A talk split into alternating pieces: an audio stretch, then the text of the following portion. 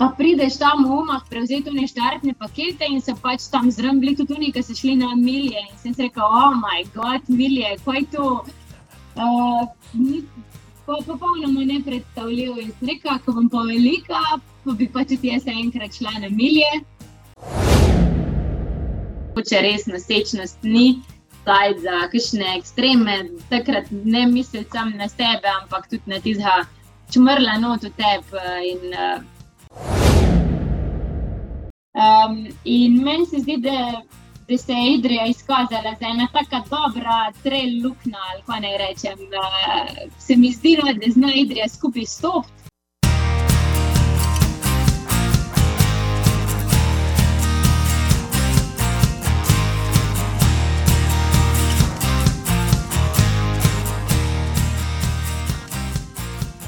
Anja Deželak, živijo. Kako si danes, Anja? Pa, jaz sem po večini kar zmeri v redu. No? Edini, kader nisem, ja, edini, kader nisem, takrat pa, takrat pa ne. Všeč mi je, da, se, da sem se zmenila za tale pogovor na dan, ko si v redu. No? In, in, ja, in to, ja. da si v redu, bom, bom, bom izkoristil, da s tebe zvabim uh, kakšno zanimivo zgodbo, pa kakšno dobro informacijo. Pa, pa kakšne, kakšne prigode, ki so se, se ti dogajale na tvojih tekaških poteh. Je to vendar le tekaški podcast, spoštovani in spoštovane. To je že 64. epizoda, tako je podcast za gre za tek z mano, danes pa hm, tekačica, trelašica, kolesarka, oblikovalka, organizatorka dogodkov, voditeljca, trenerka, žena in mati, idrka v trbovlih, tekaškem občistvu pa znana kot Ana Deželak, še bolje kot Anja Čipka. Ja. Anja, evo, hvala, ker si se odzvala v Bilu. Um, najbrž ne rabim dvakrat ugibati, zakaj čipka, ampak za najno občinstvo, prosim, zakaj čipka. Pravzaprav pojma nimam, zakaj se mi je ta um, nadimka, nickname uh, prijel. Uh, predvsem sem eh, tale nickname dobila, ker sem se pač preselila uh, v Trbovle. Uh, je pa še eno dejstvo, res sem čipka, ampak kleklet pa prav ne znam. To, tu sem si pustila za polne stara leta, ker ne mogla več laufati, bom šla na tečaj kleklena, po mojem. Um, ne vem, sploh kdo mi je tu opisal. Pač zdaj sem kar čipka in mar zdaj sploh ne ve, da mi je ime Anja, da se pišem deželak, poznajo pa me kot čipka, kar mi je konc koncev prav uredu. Če drugega ne, um, imaš na roki tetovirano to idrijsko uh, posebnost, kaj ne? Ja, uh, ja, ja na, naklekljano na en način, ja, zato da, da se lahko predstaviš tudi v tujih deželah, ker čipka ne znajo izgovoriti tako lepo, ne, kot, kot znamo to slovenci. Ja.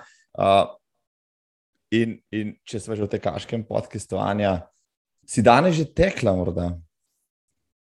Uf, ne, nisem. nisem Odličen odgovor. Po pravici povem, sploh ne vem, če bom.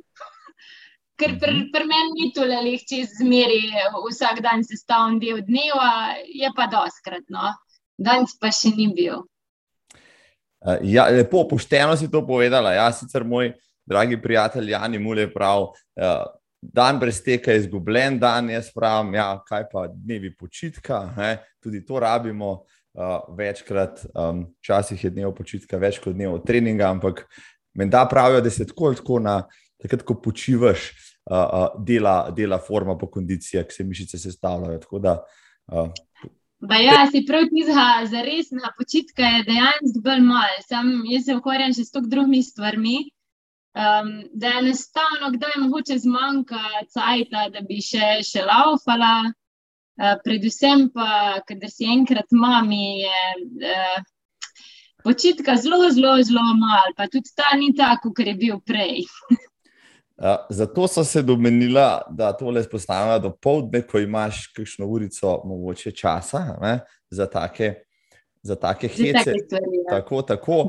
No, Anja, preden se poglobijo v tvojo uh, tekaško kariero, kaj pa vendarle eh, še počneš, kako pa zgleda tvoj dan, no? da si mal predstavljamo, kaj, kaj Kako Anja. opišem moj klasičen dan? Re- Okay. recimo. Obič, običajno se po noči ne parkrat zbudim, pa se pa zjutraj zares zbudim. Uh, Poštimam tam malo, ga pelem v vrtec, uh, pridem nazaj, se usedem za komp, pol provam odšihtati, ne vem, 6 do 8 ur tega grafičnega oblikovanja. Pol običajno prije spet tam malo domov uh, in je naprej akcija. Pol imam pa kakšne popoldanske vodene vadbe. Če jih nimam, si provam utrhati kakšna urca za, ne vem, malo mal pa laufati, malo na kolo, malo plavati, karkoli. Um, in to so tisti klasični dnevi. No. Kader pa si zaželim malo dopusta, se pa pač moram pa na ena tekma prijaviti, da imam približno dva dni prej pa to. Če ne si težko vzamem. Lepo si opisala plastično tole. Ja, um, pa še v tem tvojem žmohtnem, uh, avtohtonem narečju, tam izidrije. Uh, kako te pa zdaj, ko si primožena v zasavje, razumejo lokalci. Uh, vidim, da pač še nisi začela vleči na mat kurja. Vsem mi že vteče, kišna beseda. Ja. Upam, da za dan si pripravil pod napise ali pa da už dvihne roka, če kje nam že stopi, se mal pa matra, da ti prav pojati. Pa tukaj v zastavljanju se, se mi že kar navadil. No. Zelo mi je zabaven, ker se kdaj trudijo, da bi pač govorili pa jedrska, ne sam jim res na hrib. Se mi zdi, da meni gre bolj štrbovska govorica, kot kar ne vem, pač jedrska. Ne? Ja, uh, ne, vem, no. ne vem. Je pa tudi res, da ta, moj tam malo ful malo tega govori, mislim, na govori razločeni. In vsi pravijo, da se pač ne more odločiti. Bi govoril pa trbovska, bi govoril pa jedrski in pa kar nekaj. Tako na kitajščini, slišati, ne vem, te si bo spelo. Mislim, da, da uh, bo. Uh, tvoj dragi, dragi sine izumil nov dialekt v Sloveniji, kot da nimamo še dost teh dialektov, ki jih noben ne. Eh, živ boh ne razume. Ne? Rabimo zdaj še mešanico idriščine in zasavščine, vrhunsko bo tole. Uh, uh, zelo zašteljem, no, sem te povabil, tudi zaradi tega sem rekel, ko prebiram tvoje objave na Facebooku. Brez izjeme objavljaš zdaj v svojem avtohtonem jeziku te objave, Ja, in jih je prav že zaradi tega prav zabavno brati, kot da bi bila to neka, neka, neka uh, dolgočasna zborna slovenščina. Si se namenoma odločila, da boš objavljala tako, ali je to prišlo kar samo od sebe? Pa jaz vem, da sem zaradi tega našega dialekta včasih se fulj slabo počutila. No? Mal me je bilo sram, spoh ne vem, recimo na faksu, pa, to, pa te predstavitve pred tablami in bla bla bla. Skozi mi je bilo narodno, vsi so se delali, ne razumem, ne razumem dejansko to ni res. In uh, poj se enkrat prišla do te točke, da pač jaz sem zidrija in velika bom skrivala, slabi bo izpadel. Uh, in vse, kar demo, demo biti taki, kot smo. In, in zdaj, tako kot sem sam, če kdo ki ne razume, vpraša, se pa trudim, povem, ampak jaz mislim, da je point. Um, ker vsak razbere iz um, vsega, iz tega, kar govorim, ali pa iz tega, kar objavljam. No. Uh, ja, jaz mislim, da uh, tudi zaradi tega, Anja, uh, ne vrš, nisem edini, še kdo je taka. Ne? Tvoje objave preberemo kakšno dvakrat. Uh, Pa bi rekel, da je to ja, ne samo zaradi tega, ker so tako dobre, ampak ker jih, ker jih za razumevanje rabaš, rabaš res, res prečitati natančno, pa potem pobrskati po idrijsko-slovenskem slovarju, pa najdete pač ustrezno so pomenko. Tako, tako da ja, veš, ja. aj bila Anja na 50-100 miljah in se je počutila dobro. Ali pa moče ne tako dobro. Uh, mi pa povej, uh, ker nekaj pa ima ta skupnega, nek, tvoj nekdanji in sedajni dom, ne, uh, to, je, to je sigurno so pre, to premogovniki, uh, pa, pa rudniki, ampak ti se ne ukvarjaš s tem poslom. Kaj te je zaneslo iz, iz Idrije v Zasavje? Ja, iz Idrije v Zasavje me je zanesla čisto sam ljubezen, pa ne ljubezen do rudnikov, ampak uh, ljubezen do moža, ta, ta love story pa to. In To me je zanesel in sem vesela, da me je zanesel. Um, Kaj še mi sicer reče, iz Idrije si šla v Trbole, tista luknja in pa si rekel, da je halo, videli si, da ima Idrije luknja, Trbole, isto luknja. Um, ampak meni se zdi, da kamorkoli greš, se preseliš, ti je lahko lepo. Uh, če najdeš pač te prave ljudi okoli sebe. In, uh, jaz moram reči, da sem se pač in v Idri, in v Trbola, se, se počutim super in to verjamem, da ima zasluhe sam ti ljudje, no, ki so okoli mene. zaradi katerih se počutim dobro, pa s katerimi marsikera stvar počnemo in me podportajo, in jaz podportam njih. Mislim, da je to pač razlog, zakaj se v trbolih počutim fajn in sem vesela, da me zanese sam. No. Super. Um, to si tako lepo povedala, da verjamem, da kamorkoli bi te postavili, tudi na Mars, bi tam najdla sredino, kjer bi se ti dobro počutila, pa ljudje okrog tebe. Um, ne čudem ga, no, da si potem eno glavnih organizatorskih imen tudi v Idriji, ampak do tega še prideva. Prej mi boš povedala, zadnjič, ko si imela za ta pogovor, si rekla: Joj, ampak jaz sploh nisem taka prava tekačica, da je kaški podcast, no, ampak uh, kdo drug kot, kot uh, Anja Čipka, ki je uh, za sabo. Uh, Pustila cel kup moških, ne samo na maratonu, tudi na kakšnih ultratrailih, bi bila prava moja sogovornica. Ampak kaj v osnovi te je potegnilo v tek. Ti si vsestranska športnica oziroma gibalka, rekreativka. Kdaj si pa recimo se začela spogledovati s tekom kot s čim drugim, kot samo ne, nekim prostočasnim tekanjem za bistritev glave? A v bistvu jaz realno tečem ne tako fuldolg. No? Um, vseh sort sem prej počela, od kolesarja, badminton, igrala, od bojka, kot mehna sem trenirala akrobatika, plezala sem, Um, tek mi pa nikoli ni bil neki zelo ljubno. In zdaj sem tudi imela v eni osnovni šoli, sem me povabila, da sem malo predavala, bi predavala, pojala otrokom svoje zgodbe in se rekla, da sem da jaz tukaj stara, kot ste bili v ime tek, tudi približno ni zanimivo in tudi to je v redu. Um, vem, da sem, mislim, tek prva, uh, prva punca, ki me je v to malo nagovorila, da je moja prijateljica Martina. Uh, ona je svojimi kolegicami skozi neki laufale. Jaz sem takrat kar veliko lesarila in vse, kako ste vi, bom zdaj hrdo rekla, pretenjene, te le kar laufate, neke 20, 40, ki prijavljate se na teh 67 eh, km v Istra. In se reka, kako vam ni jasno, ne? Pa reka, pa da je pet enkrat z nami, se, se ti bo kul. Cool. In um, nekako so pol. Se ne vem, je bila to kakšna stava, fora, ne vem, kaj se reka, mogoče bi se pa enkrat prijavila na Ljubljanski polmaraton, to se mi je zdelo totalno nepredstavljivo. 21 km ceste od Laufa. In pa sem se v bistvu leta 2015, kar je bilo praktično ko, šest let nazaj, se rekel, no pa bom. In, in pa sem mal, pač malo bolj redno začela teči. Vidimo, ima tako lepa sprehajalna pot, reče se Irake. In tisto je v obe strani dolgo 5 km. In to je bilo meni optimalno. Večkrat sem šla kje na rake, zelo lepa narava, uživala sem. In uh, pol vem, da me je bilo skozi bolj strah, ali da po maraton se je bližal. Uh, pa sem rekla, ti Martin, reka, ti, jaz ne vem, če sem lahko to prelaupala. Izmeri prelaupam teh 5, to bo pa 21. In je rekla, da je greva ena malo bolj dolga, da se naredi sam tista, ne, da te nam strah. No, in jaz si tako ker veliko govorim, tudi med laufom, če se da, ker veliko govorim, da se vam pač fajn. In so laufale, laufale, in se vrnemo nazaj.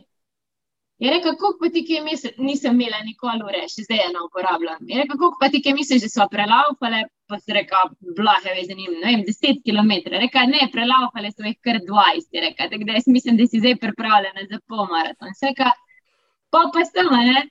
Uh, in je prišel ta dan, ki sem šla na Ljubljanski pomaraton, a prelaufala. In ko sem prišla v cilj, moram reči, da sem res rekreativka in res sem počasna, skozi bolj, ok, nisem nek pol brzin, ki bi postavljala neke rekorde.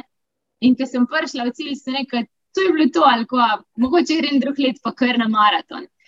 Um, In ko sem to povedala kolegom, sem rekel, ne, to moraš ne vem, koliko maratonov prej prelaufati, ja, pol maratonov prelaufati, da se spoh prijaviš na 42. Danes sem to kar mal pohtela, no, in sem šla drug let pa res na maraton. Pol sem povedala, da v bistvu bi, bi mi pa to bilo kar zabavno. No. Uh, in sem tako začela pol odkrivati svoje meje in mislim, da jih še danes odkrivam. Uh, ja, vseeno moraš povedati, no, da si prvi pol maraton tekla pod uh, pet minut na kilometr, kar je za nekega cestnega. Uh, Podatek, ja, ja, ja no, se jih ram številk, se namaramo toliko številk, uh, uh, ampak jih vseeno vsi našpičijo v šesa, ko to poslušajo. Ja. Uh, ampak še bolj pomembno pa je, da si šel leto zatem na maraton. Ja. Poznam dosta kreativcev, ki se za maraton resno pripravljajo celo leto in jim je cilj, ne vem, 4 ure maraton odlaufati, kar visoko zastavljen. Ti si šla tako le na pol mimo grede, pa si ga odlaufala 3 ure 39, kar je že za moške vrhunski rezultat, kaj šele, rekel za ženske. Um, Kako si se pa po tistem maratonu počutila takrat? Si vsaj imela kaj muskel fibra, je bil vsaj to, je si vsaj doživela maratonski zid ali nič od tega? Moram reči, da maraton, cestni maraton mi nikoli ni bil prav fajn. In, um, jaz sem ga dva, v bistvu trikrat, no, sem ga prelaufala, dvakrat v Ljubljana, enkrat pa na stadionu. In uh, ta prvič, ko sem šla, sem rekla, cilju nikoli več. Um, in pol sem, uh, so se dogovorile z uh, sestro od mojega moža, da bom šla še z noka, imela enkrat želja in smo jo prijavili za rojsten dan, in je pa ona odpovedala. In pač jaz sem mislila, da bom takrat šla kot support zraven, pa je pa kar naenkrat tista štrtnina dala mojemu možu in svedla, da ne bom jaz support in da bo on meni support. In, in sem trpela, mogoče še bolj, kot sem trpela prvič, in pa se je pa res nikoli več, okay? ker te ceste, pa tu, tu ni za mene vsaj 42, ki ne eno. 21 rem za užitek, 42 pa, ko povem, tam se mi obeta, da ga bom mogla vsaj še enkrat, no, glede na moje plane. Aha, no, no, no, se, se mi je zdelo, da ni še ta zgodba končana. Uh, no, no, za tiste rekativce tam zunaj, ki jih je tudi strah in groza tega maratona. Um, kaj bi Anja Čipka povedala o svojem treningu, recimo za svoj prvi maraton. Je to pomenilo, vem, trikrat na teden, je to pomenilo petkrat na teden, je to pomenilo 50 km. Približen. Ma ne moram reči, da jaz, jaz ful ne maram številk, no, pa ful ne maram biti obremenjena z nekimi treningi. Jaz pravim, da za vse svoje cilje, ki jih dosegam, je to tak način življenja. In ni, da bi striktno sam laufala. Se pravi, jaz hodim tudi na kolo, hodim na vodene odbe in meni se zdi, da to vse prenese k neki taki splošni fizični pripravljenosti. Pa res, res, jaz nikoli nočem biti obremenjena s sajtom. Koliko cajta vam jaz laufala, ali pol maraton, ali maraton. Pač to je ful odvisen tudi od dneva. No? Pa trofi šli hundan, ker si pa slabo razpoložen in zdaj se už tam na pol dajo, zato da bo šlo. 3 ure 30, kako povem, kdaj gre, kdaj ne gre. Probaš čim več časa, se med fajn. No? No, ja, ta... Nimam tistih tekaških treningov, pa rečem, da imam 100 km na teden, ma kje imam jaz tajta 100 km na teden predlaufati, ni možno, vsaj zdaj v tem momentu. Se včasih, ko nisem imela tam avha, pa sem mihala zjutraj do zvečer, je bil tajt, pa se pa tole malce skrčno. Ja, če bi Anja trenirala 100 km na teden, uh, ne bi govorila več o številki 3 ure, ampak dve pa neki. Ja, ja, ja te se bojim. Ja. To je super in na štrom. Tudi to še prihaja v EST, za novo tehnologijo, od karbona do štroma, rečemo temu. Ampak, ja, ja, ja. kaj se je tebi zgodilo med prvim in, in drugim maratonom v Ljubljani? Je si vendarle pomembno povedati, ne? rodila si, si sina. In ja, ja. mislim, da to je bilo manj kot leto, slabo leto po, po porodu, si bila na štartu tega drugega Ljubljanskega maratona, ki si ga tekla z možem v treh urah in pol. Um, kar impresiven dosežek, uh, recimo za mlado mati, ki ima. Ki energijo jemlje, ne samo otrok, družina in druge obveznosti, pa tudi fokus in tako naprej. Ti si šla v kar na maraton, kot tekla, še deset minut hitreje kot vem, dve leti pred tem prvega. Ja, v bistvu moram prvo to povdariti, da takoj po porodu nekaj forsirati, začeti polna športa, začeti polna laufati.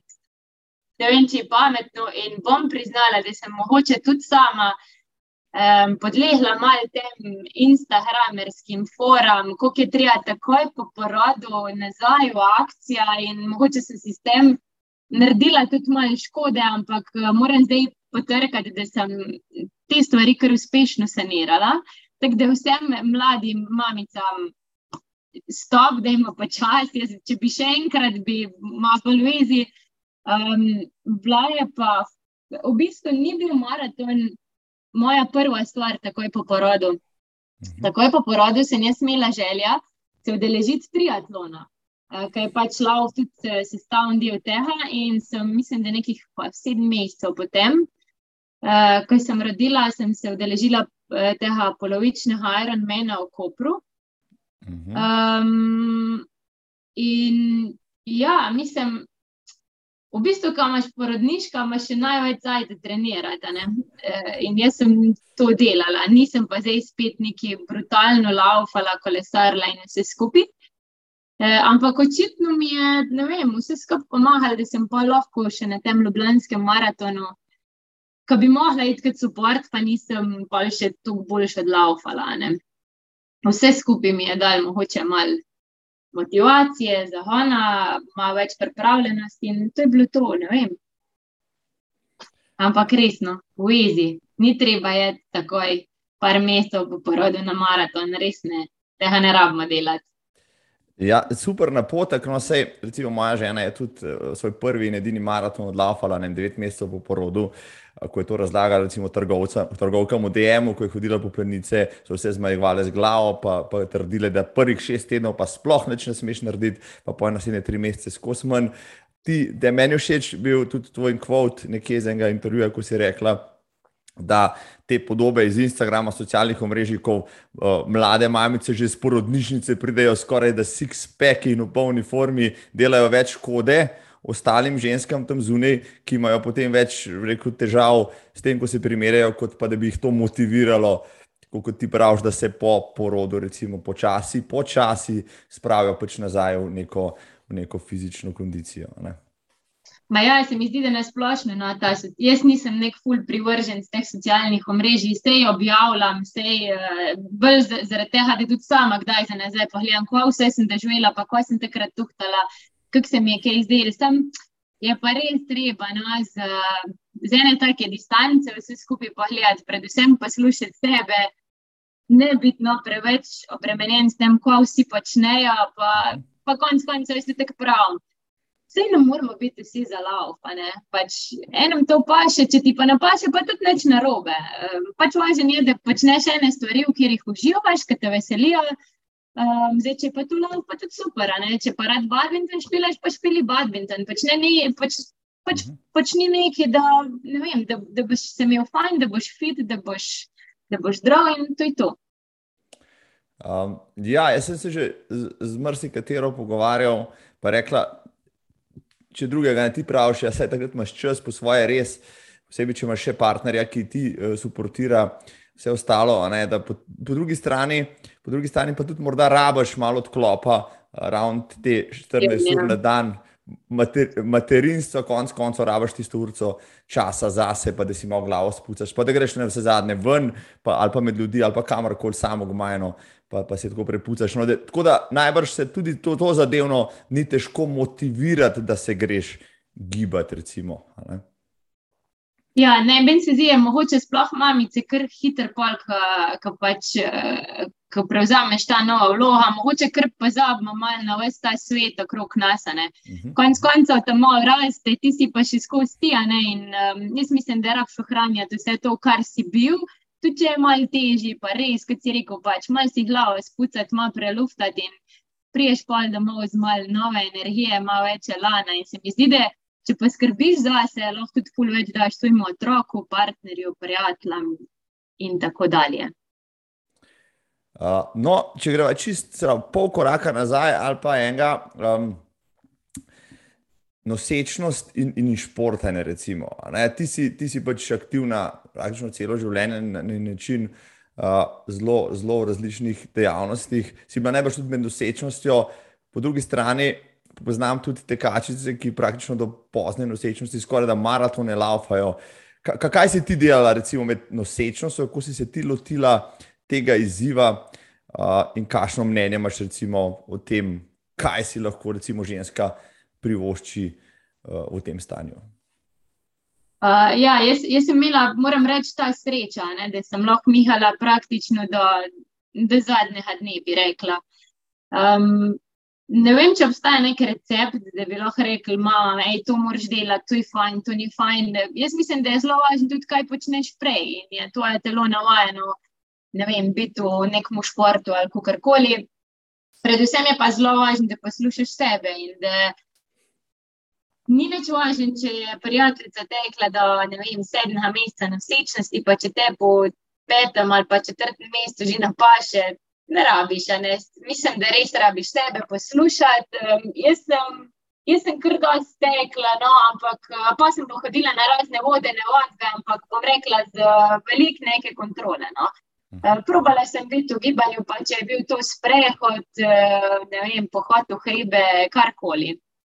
Um, predvsem to, no, res, da, da poslušaš sebe in da veš, kaj te postreza, uh, v čem se vidiš. In, vem, brez kakšnih ekstremov, mogoče res nosečnost ni taj za kakšne ekstreme, takrat ne misliš samo na sebe, ampak tudi na tizga čmrla not v tebi in uh, lahko narediš več škode, kot koristi. Pa tudi porajo tema, ne, da uh, posledice se pol kažejo med nosečnostjo se ti zdi vse ok, pa si pa rečeš, kako sem pretiravala ali pa kako sem to zasrala. In pa, ker smo med dva šli zdaj in korak nazaj, tam ne moreš.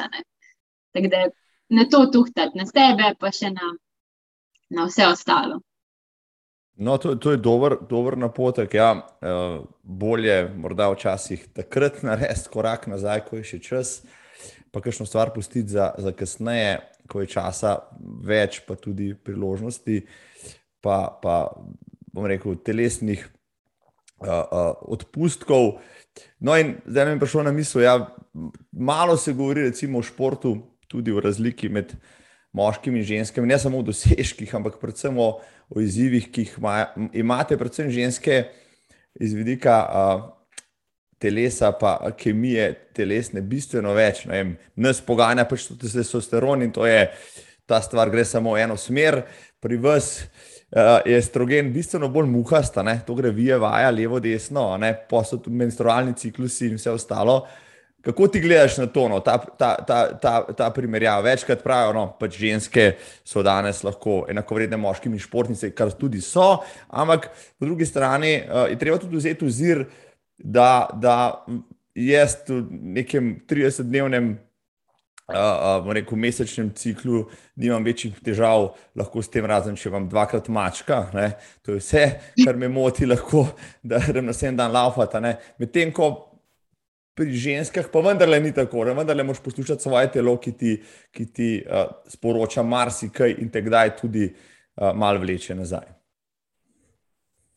Pa ja, čeprav jaz nisem zdaj nek analitik, pa da bom zelo um, ugotavljala, kje dnevi mi paše, kje mi ne, vse kdaj počutim bolj, kdaj ne, zdaj je to zaradi menstrualnega ciklusa ali je to sam luna, to mi je dosti sten. Um, je pa res, da ne vem, jaz kot rekreativc ni možno, da se primerjam s kjerkoli rekreativcem, pač uh, moškim. To so recimo tudi z mojim možem razčistili, med dvoma pač, um, počnejo dosti podobne stvari, ne? ampak nikoli, nikoli ne tekmujejo med sabo, ker je, ker je ne mogoče. In uh, se mi zdi, da če, če se pa neka taka tekmovalnost v, v nekem paru pojavi, je pa lahko to več hude, kot kar korist. Uh, Probo stvari početi skupaj, se prilagajati malo malo enkrat en popsti, malo drugič drug popsti. In kar se tega tiče, se meni zdi, da res rekreativci, ne, ne vem, vse je fajn na pol maratonu ali pa na maratonu, ki še na deca presteta. Sam zdaj, da bomo pa to dajali na veliki zvon, pa mislim, da ni potrebe. Do, uh, ve, še večkrat kot na pol maratonih, pa na maratonih ženske prehtevajo moške na ultrah.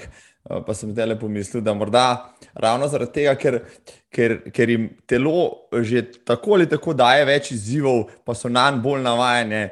Uh, moški, mor, moški se pa morda začnejo prehiter jokati, ko ne začneš tihati vem, v levem gležnju ali pa, pa majhen za vratom, pa smo že vsi bogi in kar ne bi nerali odneham, nehal med tem, ko ste vi navajeni marsikaj in ste zato tudi bolj, uh, rekel, uh, trpežne in zmorete kaj takega z večjim nasmeškom na obrazu.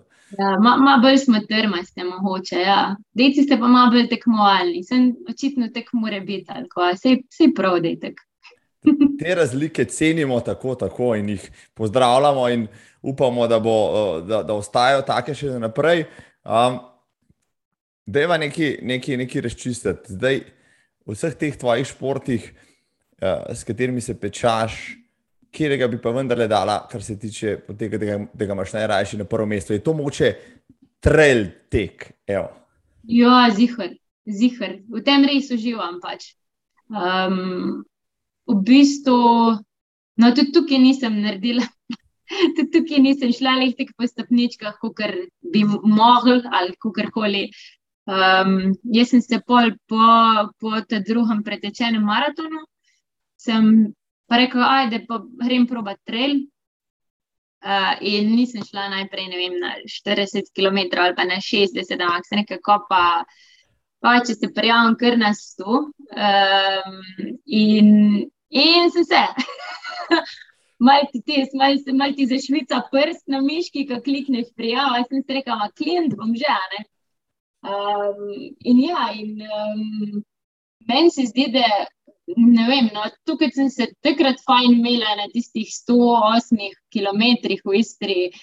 Uh, mislim, ta dan mi bo za zmeraj ostal v spominu, res sem se fajn počutila, res sem ga fajn odlaufala in siguren mi je, pač, ne vem, to me je zihar polno navdušilo, da, da sem ostala v tem in da je to moj, pa bi rekla, prvi šport ali pa prvi rekreativni šport.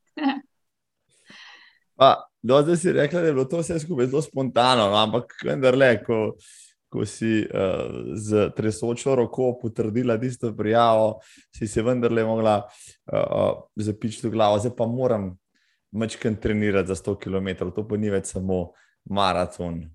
Ali pač ne, si vzela vse skupaj tako, bomo zmogli, vendarle. Moram reči, da takrat za tista stotka sem se pa, sem se pa kar pripravljala, zato ker Um, Vseeno uh, se mi zdi, da moraš z nekim spoštovanjem na vsaka taka tekma iti, pa malček, da mora biti strah prej, ker če ne, neki ni ok. Uh, to je le tako dolga razdalja, da pač ne moreš čist predvideti, kaj vse se ti lahko zgodi, kako se boš um, čez tela tekma počutil ali kakorkoli. In uh, jaz, glede na to, da sem takrat bila še sama, imela sem full cajt, uh, sem se res res pripravljala in verjamem, da sem tudi zaradi tega, pol, um, kako bi rekla, ne tukaj lahko, ampak tukaj fajn prelaufala in se tukaj fajn imela, zato ker je pač moje telo bilo na to pripravljeno. Um, takrat je mal drugače potekal moj klasičen dan, kot poteka zdaj. ampak verjamem pa, da sem si takrat naredila tudi ena fajn taka tekaška baza.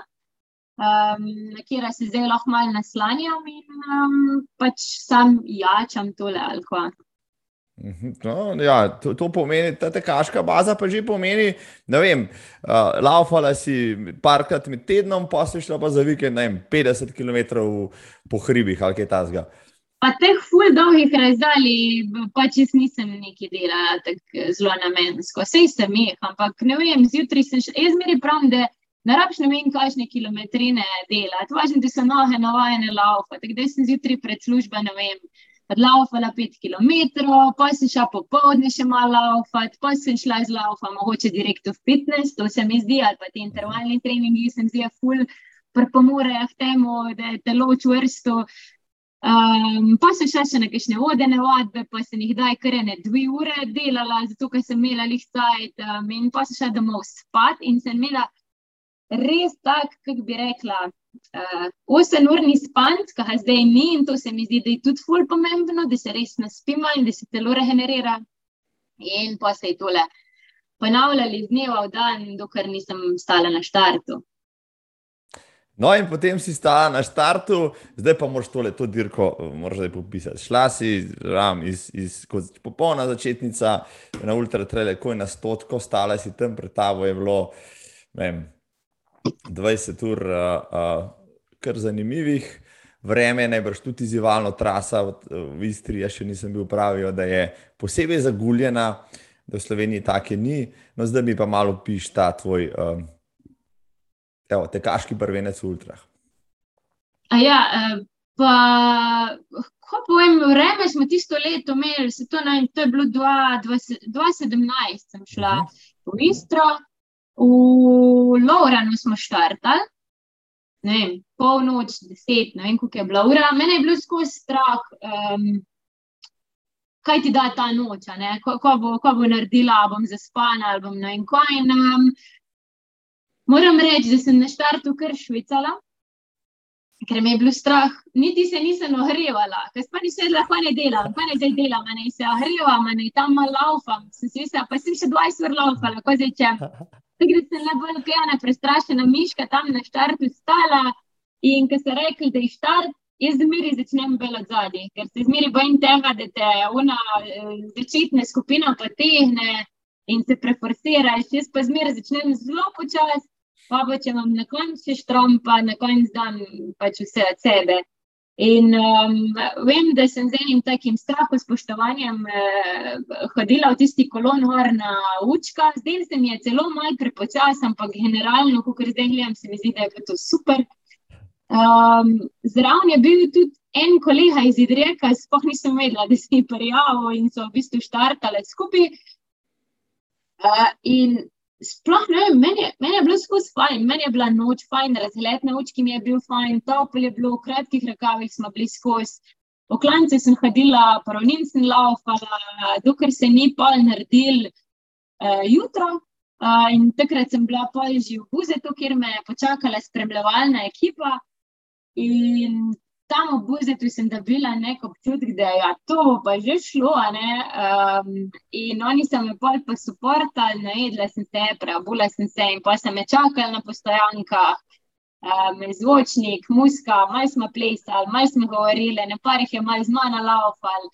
In ne vem, me je kar letel, od buzeta do konca, spok se ne spomnim, res, fajn smo se imeli, pa laufal, to je bilo to.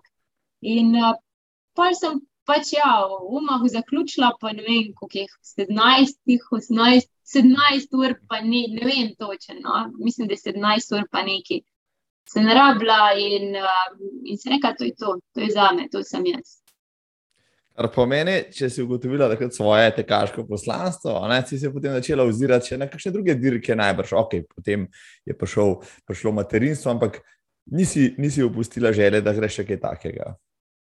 Ne, jaz sem videl, že takrat se spomnim, ko sem se prijavila uh, pač na tole 100 km. Pa prideš tam v umah, prevzeti v neštartne pakete in se pač tam zrmbili tudi oni, ki so šli na milje. In sem rekel, oh moj bog, milje, kaj to? Uh, popolnoma nepredstavljivo. In sem rekel, ko bom pa velika, pa bi pač tudi jaz enkrat šla na milje. Uh, in tu mi je bila zmeri, zmeri taka velika želja. In, um, Pa je spet prišel en dan, pa sem kliknil uh, s tistim malce prešvicanim prstom. um, zmeri se, koliko jih prijav, nekako malo posvetujem svojim možem, tudi on ima kar neki uh, športnih izkušenj, se mi zdi, da je celo pač več kot jaz. Uh, in kadar gre za kakšne take stvari, je njihov uh, odgovor, pa kot smeri isti, ja, anča, dej, te suportam. Uh, in, in pa kliknem, in pa je to ta proces, in gremo v to. Imate isti odgovor, tudi on meni pove, da je še nov projekt, ki je mogoče še bolj ekstremen. In reče, mi si ti sam klikni. Doma res nismo radi.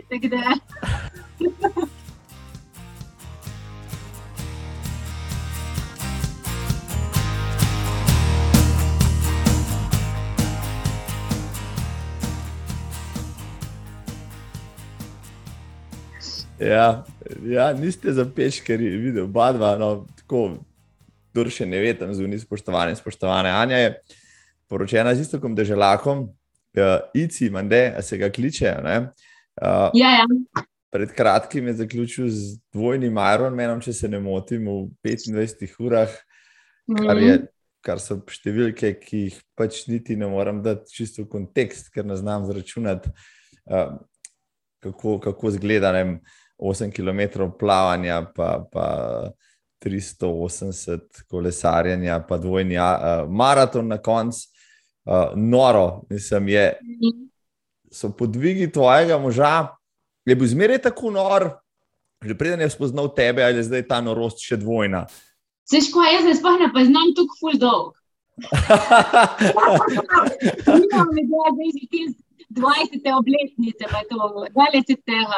Um, Siguren je bil, ja, zihar je bil nor, že preden sem se med vami spoznala, mogoče sem se zaradi tega pravzaprav sploh spoznala. Um, in uh, polke so se najdle na neki isti valovni dolžini, se mi zdi, da je, da je pol to obrodilo sadove. V vseh pogledih ja, tega, te besede. Ja, ja. Zdaj, uh, uh, Se pravi, on suportira tebe, recimo na določenih tekaških zadevah, ti tudi njega, najbrž na njegovih uh, Ironman in podobnih, podobnih zadevščinah. Ja, itak, provam, če se le da. Ne. Eh, sam si prav. Eno je, eno je support eh, na dan tekme, eno je pa, kako bom rekel, ta življenjski support, ki moče še. Ne morem reči, da je pomemben, ampak zelo pomemben, ker se ti na neka taka uh, tekma pripravljaš. Pa ne vem, se to čisto eni na sveti, kar se tiče, kaj se jim laupa, prehrane, ali, ali je to samo varstvo tam malha. Pač to je tak vsakodnevni support, bom rekel, kaj je pri takih stvarih tudi nujen. No? Pravi, smatraš, da je to dobro, da sta oba. Uh, Mal ultra nora in da se razumeta, da potem lažje usklajujeta družinske obveznosti, kot če bi bil samo eden od dvaju, recimo, pa bi se, pa bi se to usklajevanje vrtelo predvsem potem v smeri enega, ne pa v obeh. Pa, ko povem, mislim, meni se zdi, da je uh, to, da so oba, kot si ti rekel, malo ultra nora ali kaj ne vem. Uh, predvsem je fajn zaradi tega, ker zastopa en drugega, ker uh, vidijo, da so pač take tekme nama motivacija, da je to ena želja in tako eno osebno zadovoljstvo, pa kaj te stvari uh, daš čest. Ker vse za take stvari se moraš pripravljati. Uh, in pol kdaj, ne vem, en mora malo popustiti, pa te drug, ampak zaenkrat nam je to kar v redu šlo.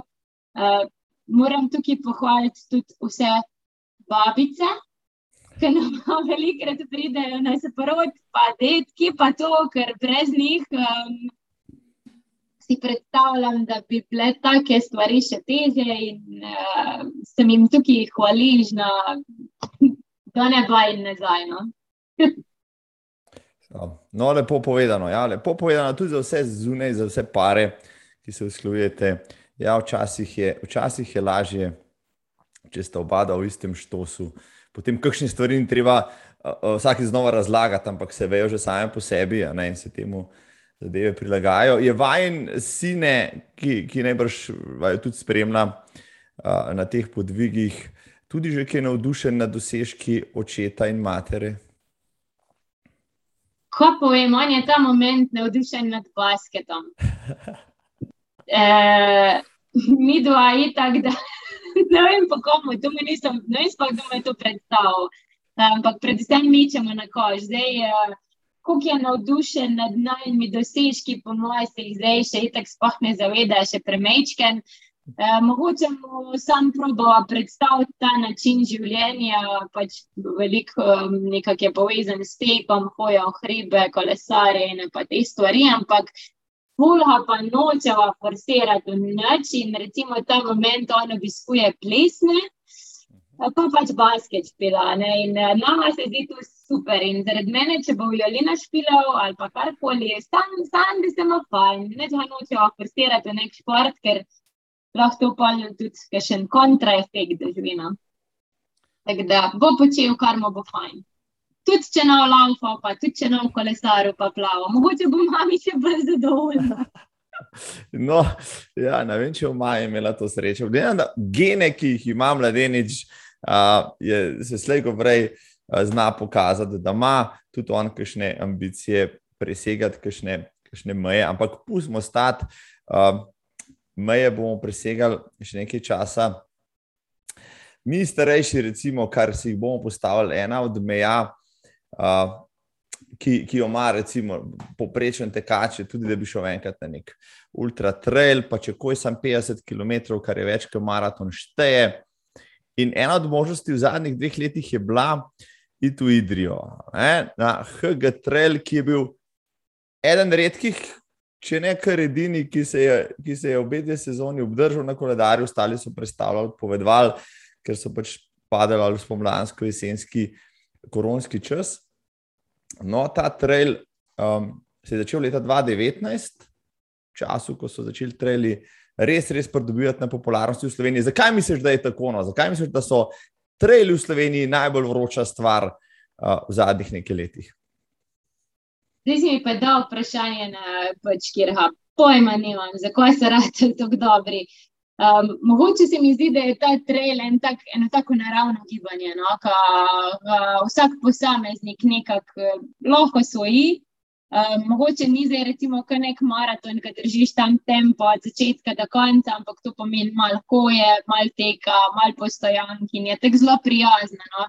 Tudi za tiste, ki se mogoče ne čutijo neki vrhunski tekači ali karkoli, se na kakšnih mogoče krajših razdaljah, lahko dežuje vse to, kar mogoče nekdo pa na nekih bolj ekstremnih ali karkoli. Uh, in tudi tukaj, jih pale take mini samo potrditve, kar se mi zdi, da je pa, da je pa tudi proba, fajna, ne, sej konc koncev uh, te meje so dan dan šle čist izven nadzora, te kilometri so ratali brutalni in um, ko povem, ni rečeno, da mora vsak prelaufati 100 km daleč od tega. Tole, to, sam, če, če se ti zdi, no, sam, če imaš želja, pa tudi če je nimaš, je vse ok. Nekomu predstavlja pač izziv 10 km preteč, enemu 50, enemu 100, in ti meje se pol počasi pre, pre, premikajo v naših glavah ali karkoli, in vse je v redu. Ne bi se mogel bolj strinjati s tabo. Ja. Morda se zdi, da živimo v časih, ko preteč maraton pomeni, eh, da nekaj delaš popoldne, naslednji dan greš pa pač po nastotko, ampak ni temu tako, ne, vse razdalje, vsaka razdalja od 5 km, od kakršen koli tek za nekoga ja. lahko predstavlja uh, spoštovanja vreden cilj in seveda uh, spoštovanja vreden dosežek, jasno. Da, uh, laufati samo 100 milske ali pa sam špartati, to ne danes neki šteje, ne drži. Jaz se strinjam s tabo zelo in um, če so prej omenila HG Trail, trail z najlepšimi razgledi, mislim, da se imenuje, me boš popravila. Na čigam zdevniku je zrasla ta ideja? Ja. Uh, ja, v bistvu jaz sem pri HG Trailu sodelovala, zdaj trikrat smo ga izpeljali, jaz sem pa uh, sodelovala kot koordinatorka um, dogodka, uh, ideja ni zrasla na moj muzej. Ko sem bila zraven ekipo povabljena na začetku kot grafična oblikovalka, da bom mal naredila kakšen plakat, kakšen flyer, uh, pa te stvari. Na koncu sem delala to, pa še vse drugo. Tako da ideja je bila od pač, uh, direktorja Jure Dahantarja, ki je zraven povabil ekipo. Um, in med tiste množične ekipe, ki smo sedeli na začetku, smo na koncu stali trije, ki smo spurali ta projekt. uh, se pravi, tri leta zapored. Uh, ampak poznaš pa v drobove zdaj, ja, organizacijo, recimo, take prireditve.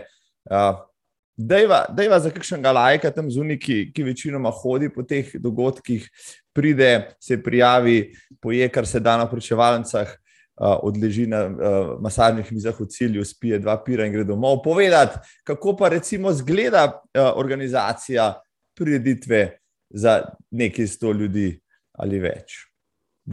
Ja, pač naša prireditev, moram reči, da je zdaj skozi leta rasla in rasla. In to se mi zdi tudi prav. Ne moreš ta prvo leči kar nekega vrhunskega dohodka, pač tudi kot organizator moraš rasti. Zelo pomembno se mi zdi, da se sam tudi udeležuješ dogodkov, uh, s katerih pa bom rekla, malo kopiraš, vidiš, ko je fajn. Um, moram pa reči, da za nas je zmeri bila uh, želja, da vsak tekmovalec, ki pride, se ima videti čim bolj fajn. Ne zdaj tam to, a bo pretekel vem, 14 km, a bo pretekel 50, važno je, da si bo ta dan zapolnil in da se bo videl, še kdaj rad vrnil da mu predstavimo vsa ta lepa narava, da mu predstavimo šlikrope, pa da mu predstavimo vse te fajne ljudi, ki so videli doma. In, um, jaz sem za ta izkušnja pol hvaležna, zato ker se mi zdi, da pol. Kjerkoli dogodka se vdeležiš, tudi vidiš z enimi drugimi učkami, koliko je enega truda, koliko je enega dela za vsem tem, ker bodimo realni, največkrat so najbolj glasni tisti, ki kritizirajo tiste kritike so zmeraj najbolj glasne, pohvale tudi, če sta se zmeraj malo bolj tihe. Uh, ampak um, ja, pač delo organizatorja ni samo en teden pred tekmo, ampak uh, organizacija je praktično cel let, ko se zaključi en dogodek, se že začnejo plani in delo za, za, za naprej. Um, je pa tako, da si ena taka tak dogodka, ena taka organizacija brez številnih prostovoljcev, bom rekla. To si je ne mogoče predstavljati. In v Idri imamo ta sreča, da so uh, nevrjetni ljudje, stopijo skupaj za tak dogodek, um, njim problem uh, pomagati, njim problem si vzeti sajt in to je tako neprecenljivo. Uh, ta dogodka si tudi ne moreš uh, pač predstavljati brez sponzorjev, ki ti nasprot pride, zato kaval, da se za take stvari uh, pač pomembne tudi finančne sredstva. Um, in meni se zdi, da, da se je Idrija izkazala za ena tako dobra trail luknja, ali kaj naj rečem. Uh, se mi zdi, da zna Idrija skupaj stopiti. Uh, in, in da ta dogodek prav Idrija rab, ali kako bom rekla. Uh, zdaj je bilo že tri leta zapored to tudi združeno z enim drugim dogodkom, to je praznik idrskih žlikrofov. In uh, se je Folusen povezoval, športni dogodek, kulinarični dogodek, obiskovalcev je bilo dosti. In um, kar sem jaz slišala, so bili odzivi zelo pozitivni. No? In uh, tudi nam, kot organizatorjem, je to bilo uh, ena taka potrditev. No? in veliko zadovoljstvo, zato ker tukaj se oddela nešteto prostovoljnih ur in poti kdo reče. Uh, a se to sploh splača, uh, kako se ti tu lup, uh, ker uh, je tudi kakšna neprespana noč zaradi tega. Ampak, ko greš čez idrije, pa ti vsak te drug reče: O, zakon trail je bil, zakon dohodki je bil. Veš, da ima to v spominu, da so to ti momenti, ki si jih zabeležijo in um, in pol počrta rečeš, ja, je to vredno. bravo, bravo. Super, jaz marsikomu, eh, marsikomu tekaču, ki, ki, ki mogoče včasih odmahne z roko. Ah, to bi se pa dal boljš narediti. Predlagam, da če, dru, če ne organiziraš že sam, pa ne se priključi kot prostovoljec in taki dirki, pa bo mogoče videl, da, da, da vse stvari niso samo umevne no, uh, in da za nekaj, kar zdi zelo enostavno, potem v, v praksi je treba ure in ure planiranja in tudi samega dela. No, da, uh, pa še ena stvar, jaz se mi zdi, kar si povedala, je zelo pomembno. Uh, in pri trail sceni se to še bolj kaže, morda bolj kot v cestnih tekih pred 10-20 leti, uh, Trail teke praviloma organizirajo tekači sami, trail tekači.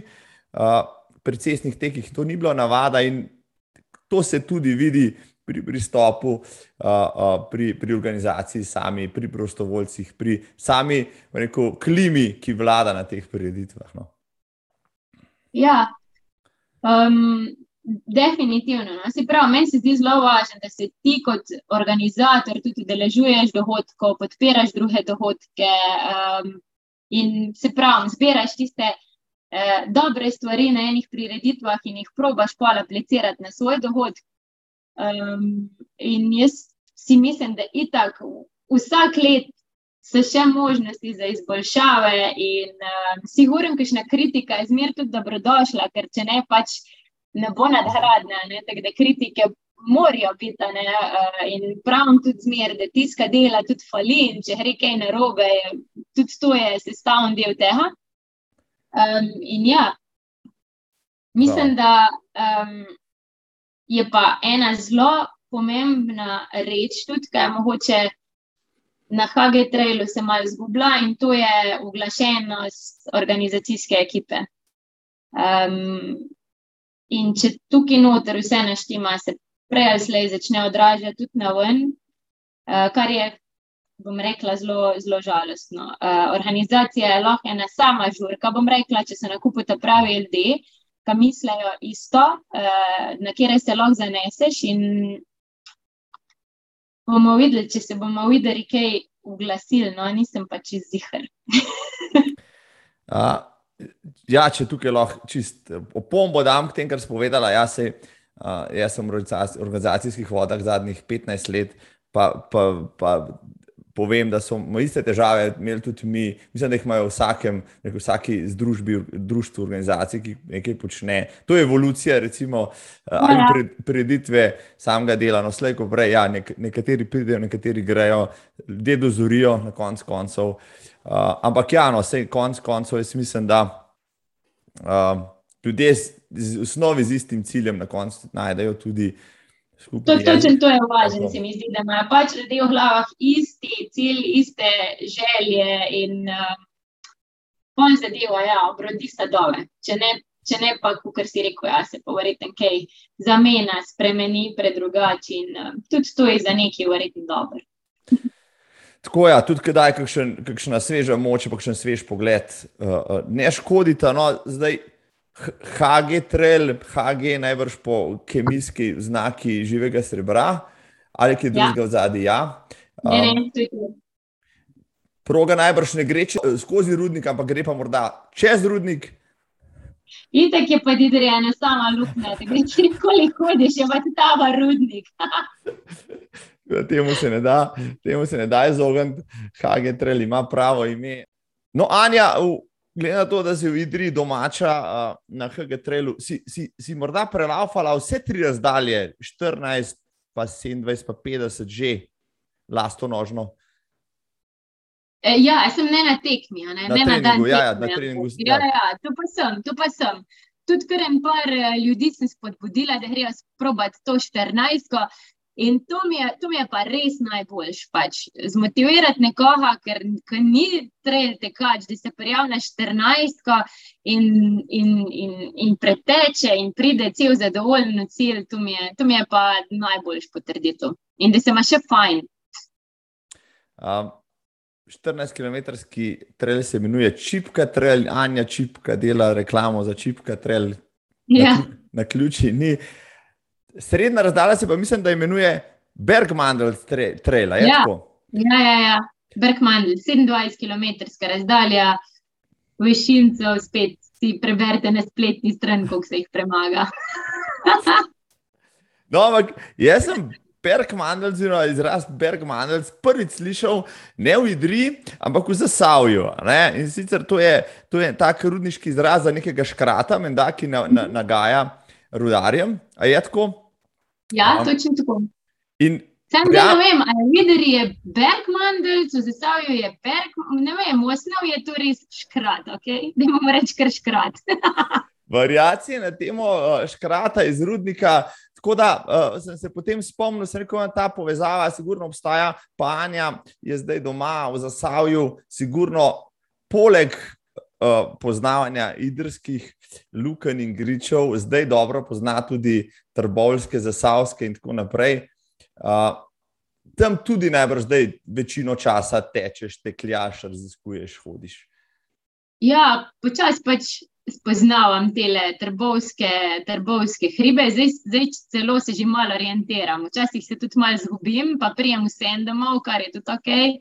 Uh, sem jih pa ta, prv, ta prvič sem v bistvu vidrske, eh, trbovske klance spoznali na knap trailu, ko sem se ga odeležila. Uh, to je bila pa tekaška prireditev, ki je bila zmeri prvi vikend po novem letu. Se pravi, tak zimski trail je bil, pa ne vem, kolikrat zapored sploh je bil organiziran. Jaz tisto leto, ko sem se ga odeležila, to je bilo, mislim, da je 2017, kukar priprava za na, za na istro in se reka, če bom ta knap trail šla čez, pa bom pa, pa bom šla pa tudi istra čez. Uh, in ko smo stali na štartu, vem, da je bilo minus 10 stopinj, uh, pred nami je bilo še 10 ur laufa, in um, mislim, nič, nič kaj eh, zavedljive razmere. No. Ampak šlo je pa čez, to je pa ta glaven. No, ja, spomnim se, spomnim se objav. Ja, imam nekaj tekaških kolegov tam dol iz Zasaja, ki so objavili tiste fotke, ko iz Sibirije, mm -hmm. ja, noro. Noro, ampak poseben občutek, verjamem, da je eno, vsaj vroče ti, sigurno ni uh, tiste dodatne rokavice, ki jih najdeš pa v žepu, ne jakne, pa zmer prav pridejo. Uh, ja, polni grelci, oni grelci za rokavice, to so bili ključni. Yeah. Ja. Grelci za rokavice, pa še za kam drgem, pol na koncu, ja, yeah. kaj roče, kaj neko je mrz, kaj, kaj popasje. Uh, Kateri letni čas je pa te, recimo, najbolj všeč? Ali tako, da mi je poletje? Poletje, pomlad, to je. Ne vem, pač, čeprav pa kva povem, meni so vsi letni cajti kul, cool. nimam zdaj tako, da pa rečem, o, tam poletje je zakon, sem zima je zakon. Vsi letni časi so lepi in imamo sreče, da imamo vse štiriletne čase in jih moramo vzeti uh, take, kot so. Ja, posebej v lanskem letu, uh, ko zaradi korone pač se ni dali po svetu, pa so ljudje začeli odkrivati lepote Slovenije, pa lepote slovenskih hribov. Uh, hvala Bogu, da jih lahko. Ja, in, in, in marsikdo marsi ima še zdaj velike oči, ker mu ni bilo jasno, ne, da, je, da je cel življenje zahajal ne vem kam, čez mejo, pa v daljne kraje, pa ugotovil, da v Sloveniji ima za ne tri življenja dost materijala za obdelati, pa za prehoditi, pa za prelaufati in tako naprej. Uh, jaz sem lansko leto, recimo, hodil malo virtualno s kolegi, smo hodili po teh treljih, ki jih ni bilo, no, in na ta način spoznali vem, terene od, od Vipave do Maribora, od, od uh, Kranske gore do, do tudi Zasavja. Edino v Idriji, v Idriji nismo bili, no, če smo se pelali, ko smo šli v Tolmin, se, se spomnim, smo se takrat pogovarjali, ja, mogoče pa naslednje leto pridemo sem, uh, ko nam bo uh, tale uh, navigacija dokončno ne, odpovedala tam, pa res ne veš, kam zavid. Pa pač tam ostaneš, gostilne je bolj male, pa je to več. Uh, uh, Ali pa sploh ni. Ali pa sploh ni. Ja.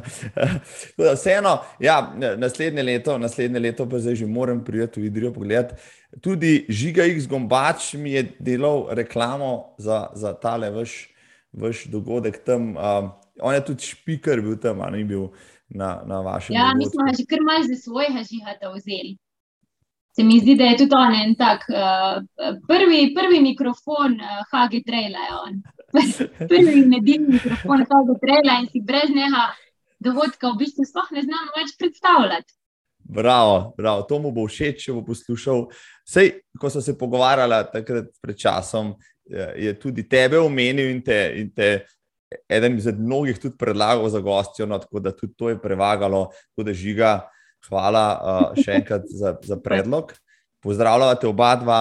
Vem, uh, da, da ti bo zdaj žal, da se. Vem, on ima tudi en podcast zdaj in zdaj mu bo žal. Da, on ima zdaj podcast pri Extreme Vitalu in zdaj mu bo pa žal, da sem te jaz prej povabil svojega, konec svojega, evo, žiga, sorči, še vedno si pa prvi mikrofon, Hage Trela. Evo, to, to ti postaje. Tlete pa ne morem prehiteti. Prej sem govorila o, o tvojih bodočih podvigih, pa sto milskih izzivih. Pol pa gledam brskam po teh trailih, pa zdaj ima že skoraj vsak trail tudi kvalifikacijske točke za UTMB. Ja, zdaj te kvalifikacijski sistemi so že kar zahtevna matematika, ampak vseeno, UTMB, 100 mil, to te vleče. Kako pa ti veš, da me to vleče? Skozi najmen pogovor sem ugotovil, da, da, da te morda te švicarsko-italijanske Alpe, vendar le privlačijo. No, povej, kaj več. Evo.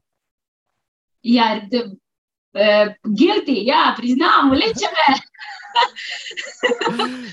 Rekla sem, da če bom, uh, jaz si vseeno mislim, da te stomilske preizkušnje pa ne izje noben narobe na vzame. Jaz mislim, da to ni zdravo za početi prevečkrat. Uh mhm, -huh. Mhm. In jaz sem rekla, da um, moj domet je 100 km. Če bom pa še kdaj pretekla milje, si jih pa želim preteči na pač v TMB-ju. Uh, in če bom to dosegla, bom ful vesela, če pa ne bom to dosegla, bom pa tudi vesela. Ni zdaj to moj, moj tak, um, kako bi rekla, um, življenski, življenski eh, dosežek, ki moram narediti kljub talku, karkoli. Če bo super, in če ne bo, tudi super. Tako da načeloma zdaj po teh, to se sploh ne vem točen, kaj vse rabi za prijavo, koliko pik točen. Jaz ker laufam te stotke in si želim zdaj, da bom imela dosti pik in da se bom kar prijavila, moram si pa še vse prebrati, pa pozanimati, pa to. Mogoče bom Petra malce, kako je vprašala, on ima nekaj meze, pa je, da je že tokrat tam. On ima, po mojem, že kakšno tisto uh, kartico, ki zbira pike, ja, pike za ste ja, svoje delo. Ja, to res želim naenkrat sprobati, če bo, če bo šansa. Če pa ne, pa tudi v redu. Fajn je, fajn je ta, všeč mi ta pristop. Ja, vesela si, če všla ali pa če ne všla. Tako da, evo, probite. Ni, ni izbire za popast, za, uh, za popast življenjsko filozofijo, Anja Čipke, uh, pa, pa, pa ste veseli, lahko vse čas ali pa kot Anja. Ja, tudi prej, ki si, si omenil, kako je bil čuden ta koronski čas, ne, ker no, no. nikamor nismo mogli. Vsi so fuljamri, ali pa vse tekme so odpovedovali, ali pa ne vem kva. In se spomnim, da so enkrat zici tam sedela pri kosilu. Pa je rekel, da je ko pa če se med vas spomnijo, ker je en osebni tisti projekt ali pa neki, pa naredijo na mestih tekme. Pa jaz rekel, ok, pa ko, imaš kaj, ko imaš kaj v mislih. Pa je rekel, ko pa ta Everesting, pa to, pa se rekel, kaj je to. In je rekel, pa ja, špolk ali kolesar ali pa hod pač na, na pač en hrib. In pa je rekel, ja, lahko se celo peleš dol, pa spet hodiš. Je rekel, no, sem med dva vozila se no dol. da se rekel, aj tak, da ne. Uh, in on je to v bistvu preden mi je predlagal, ko res ne poznam, je že tako vse naštudiral, ko bi pa kam bi šla. In, uh, so se pa odločila, da so naredila Everesting na, na Kum. Se pravi, da so devetkrat mogli iti na Kum, pa nazaj. In so si v bistvu tisti koronski čas, ki ni bilo nobenih izzivov, pa tekem, so si med dvoje naredila en, ena taka um, družinska, ni bila tekma, uh, popotovanje, dopust, družinski aktivni dopust, Everesting.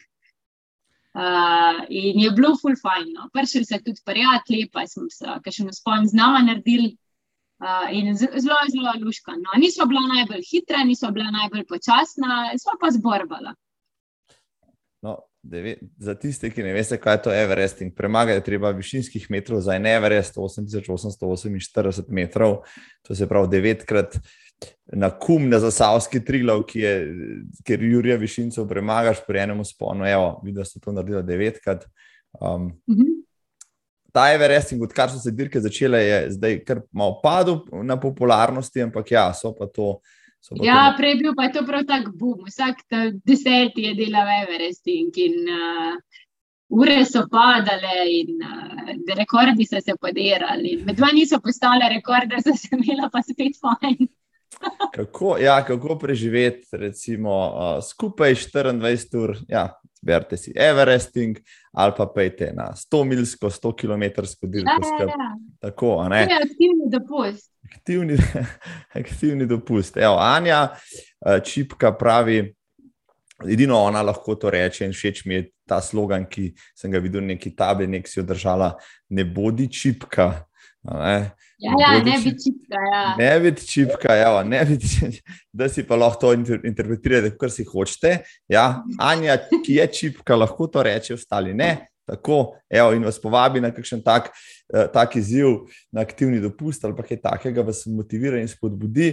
Uh, Ves čas omenjaš te skupinske vadbe, to imata z možem, uh, en center, kjer se to dogaja uh, v Trbovljah ali še kje drugje. Ja, mož ima že pač, ne vem, koliko deset let že vodi te vodene vadbe, športno društvo ima v Trbovlah. In uh, kva, tri leta nazaj sem se tudi jaz priključila in vodim svojo skupino. In v bistvu čez cel teden ponujajo vadbe od ponedeljka do četrtka, lahko mihajo z nami uh, in se imajo fajn. Evo, zdaj le, zdaj le, pričakuj na val, na val novih kandidatov, ki bodo prišli vaditi. Ja, bo, bo treba telovadence zvečati, ali več terminov razpisati, kako bomo naredili. Nekaj bomo. Ni problema. Za enega se zmer še najde plac. Tako da, evo, slišali ste, povabljeni, povabljeni kanji na skupinske vadbe, pa če zdržite njen tempo, evo, boste morda kdaj naredili tudi kaj na trelu ali po teku in tako naprej. Tale, tale uh, urca, četrt pogovora nam je tako le hitro šla. Uh, tle pri nas zunaj že sonce sveti. V Trbovnik isto, sonce smo naredila. Naredila smo sonce z najnim pogovorom, naredila ga bova tudi najnim poslušalcem, ki bodo to poslušali uh, zdaj le, rekel, zadnjih deset dni pred Ljubljanskim maratonom, pa potem so še treli na, na, na vrsti, vem, da bi Pavi še kasneje treli, pa na obali in tako naprej. Uh, boš ti letos? Ne vem, kako na oba grem. Zelo hotel sem te vprašati, če na katerega od teh dveh greš, ja, na oba greš, na katere razdalje pa greš. Na Vipav grem na 100 km. Spred, spet zaradi teh pik za UTMB, pa, pa vem. Pa stale prijateljica Kristina so se zdaj ulovile in hodimo skupaj po tekmah in to je en tak babi žur, 100 km babi žur in ko mi čakam, eh, tako da ja, na, na obalo grem pa na 30. Ko. Na tudi ne, na, pač najdaljšo. Ja. zelo malo po Vipavi, en teden po Vipavi, se mi zdi. Ja, ja, na obali več, ker mislim, da 30 dni imajo, ja, se verjamem, da je še drugače več. Nekakšno... Ja, ja, ja. da, tako je, en teden po Vipavi, ker pa forsira še eno 100 km, pa pa. Zakaj so kolena odpovedala? ja, no, stej, kolena imamo zato, da jih uporabljamo, pravijo vsi najboljši spustaši in podobni. Kaj pa, recimo, uh, vem, da spremljaš to, to trail, pa ultra sceno, in tako naprej. Kaj pa, kakšni pa, da si, da si, da imaš nore, da je Everest in si umela. Uh, kaj pa, kakšno prečenje slovenske planinske poti, kar, kar počnejo zadnje čase, fanti in dekleta, kar po tekočem traku v kosu. Ma to bi, bi pa jaz, kar kolegici Kati, ki je v enem slovi prepustila tale prečenja za enkrat. Me še ni zahrabil. za naslednje leto imam eh, malo plana, da se spet v triatlonu malo provadi, da malo zamiksam, da ne vrata vse preveč, eno lično. Um, bomo videli, da tale SPP me pa še ni zahrabil. No? Mogoče jim to dopusta, sem le sam svoj šef. Ampak, ja, no, biti sam svoj šef ima cel kup svojih slabosti, po drugi strani ima pa tudi svoje prednosti. To tudi ti že počneš kar nekaj let, pa verjamem, da ne bi zamenjala te svoje freelancerske službe, kljub temu, verjamem, da, da moraš spraviti svojo plačo skupaj z vlastnim delom, včasih tudi morda malo teže, kot pa kdo v kakšni korporativni službi. Ne bi zamenjala te pozicije za neko pisarniško delo v neki v neki veliki stavbi, nekje sredi Ljubljana. Zaenkrat ne. No. Zaenkrat ne, sicer pridejo tudi, ker se ta le freelancer, uh, life, uh, dobro sliši, so res težki momenti, ki jih moče nabijamo na Instagramu, pa na Facebooku, pa se pa pol to ne obstaja. Ne? Je kdaj kar, kar preklet za jeban, ampak se mi zdi, da je to te malo prisilno, da si skozi eno pohvalno, da si skozi malo mihaš in zaenkrat mi to kar zelo ustreza. No? Ja, tudi meni, ja, tudi meni in zato uh, imam čas uh, te, te tako zanimive pogovore uh, sredi delovnega dopoledneva upravljati z res zanimivimi gostjami. Danes je bila z mano, spoštovani in spoštovane, v 64. epizodi podcasta za Gari za tek. Anja Deželak, čipka, zdaj boste vedeli točen, kdo to je, ko jo boste srečali v Ipavi, pa na obala trailu, pa na Hage trailu, pa, pa pa ko boste prek uh, računalnika spremljali UTMB, ker se sami tam niste uvrstili, pa boste njo lahko rekli, ja, ja. Ona ve, kaj hoče, vi boste mogoče potem, ko boste ta lepo poslušali.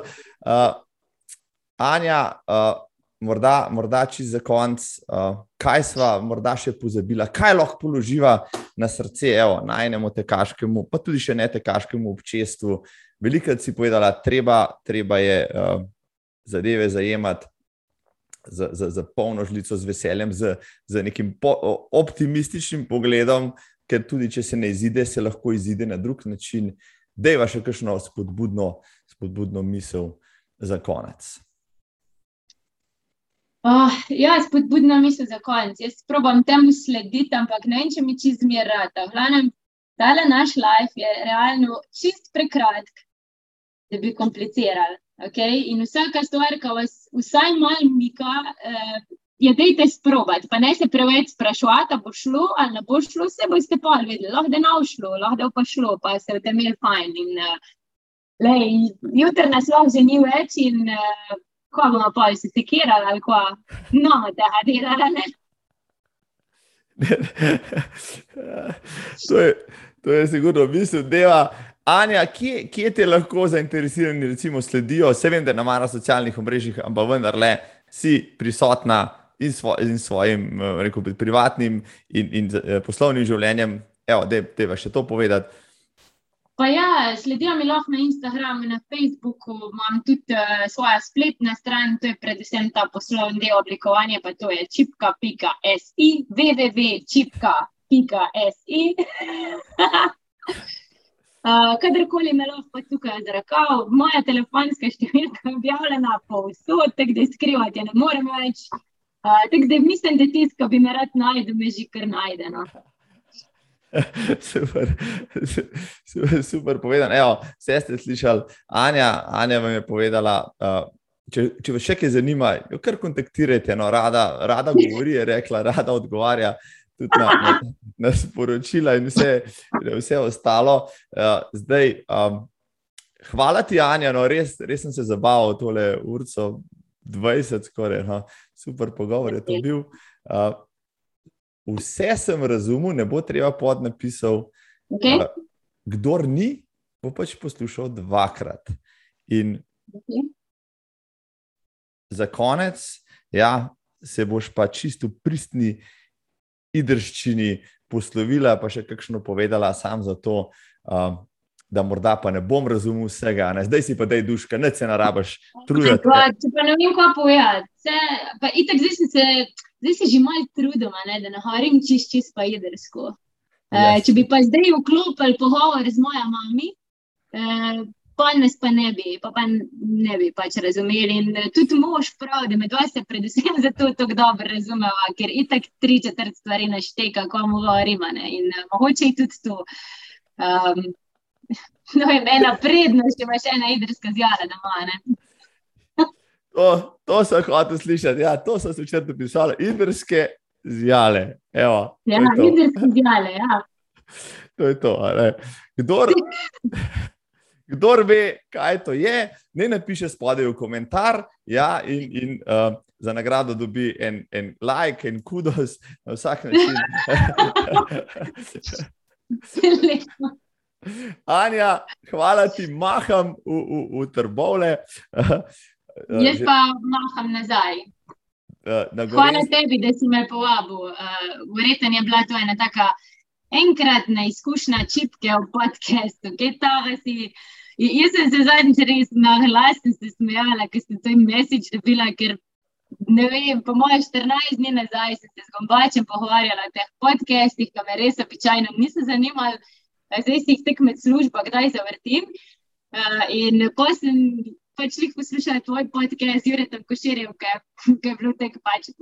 Moraš poslušati tudi svoja moža, sem malo človela za par momentov, da sem ti šla do konca, da je vrtela um, in da hvala za tem, da bi jim to povabila. In sem tako, ena ura, štiri ure, ščipka, svaka čas, ko pa kaj bojala, pa druga. na koncu ja, te, se te kome da ustaviti, bi lahko rekli. ja, prav tam imam še seznam, veš, kaj sem si pa naredila. Izpisala sem si vse svoje, svoje cajte na razno raznih stvarih, ker sem se prav bala, da me boš to vprašal. Jaz neč ne vem, jaz neč ne vem, koliko sem kilovala in evo zdaj. Tukaj imam prav seznam narejen za vsak slučaj, da ne bi spadla zabita. Zdaj se je, evo, zdaj se je veš, koliko si šla, ne, če nikoli nisem prej vedela. Ja, no, videla si, da bom tukaj. Tako hudiča, a to sem tudi laufala, ja, dobro, še če veš. Ja, dobro sem šla.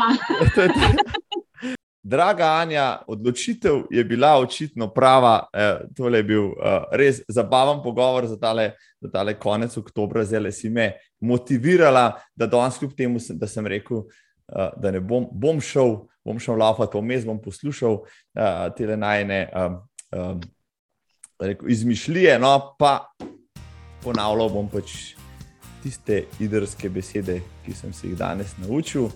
Če zaradi tega, da ko se naslednjič srečava, da te pozdravim, idriščini, ti pa prosim, čist za konec, naj ne gledalce samo pozdravi po idrsko. Uh, srečno! Srečno, srečno, srečno, srečno. Anja, hvala, lepo zdrav. Hvala tebi.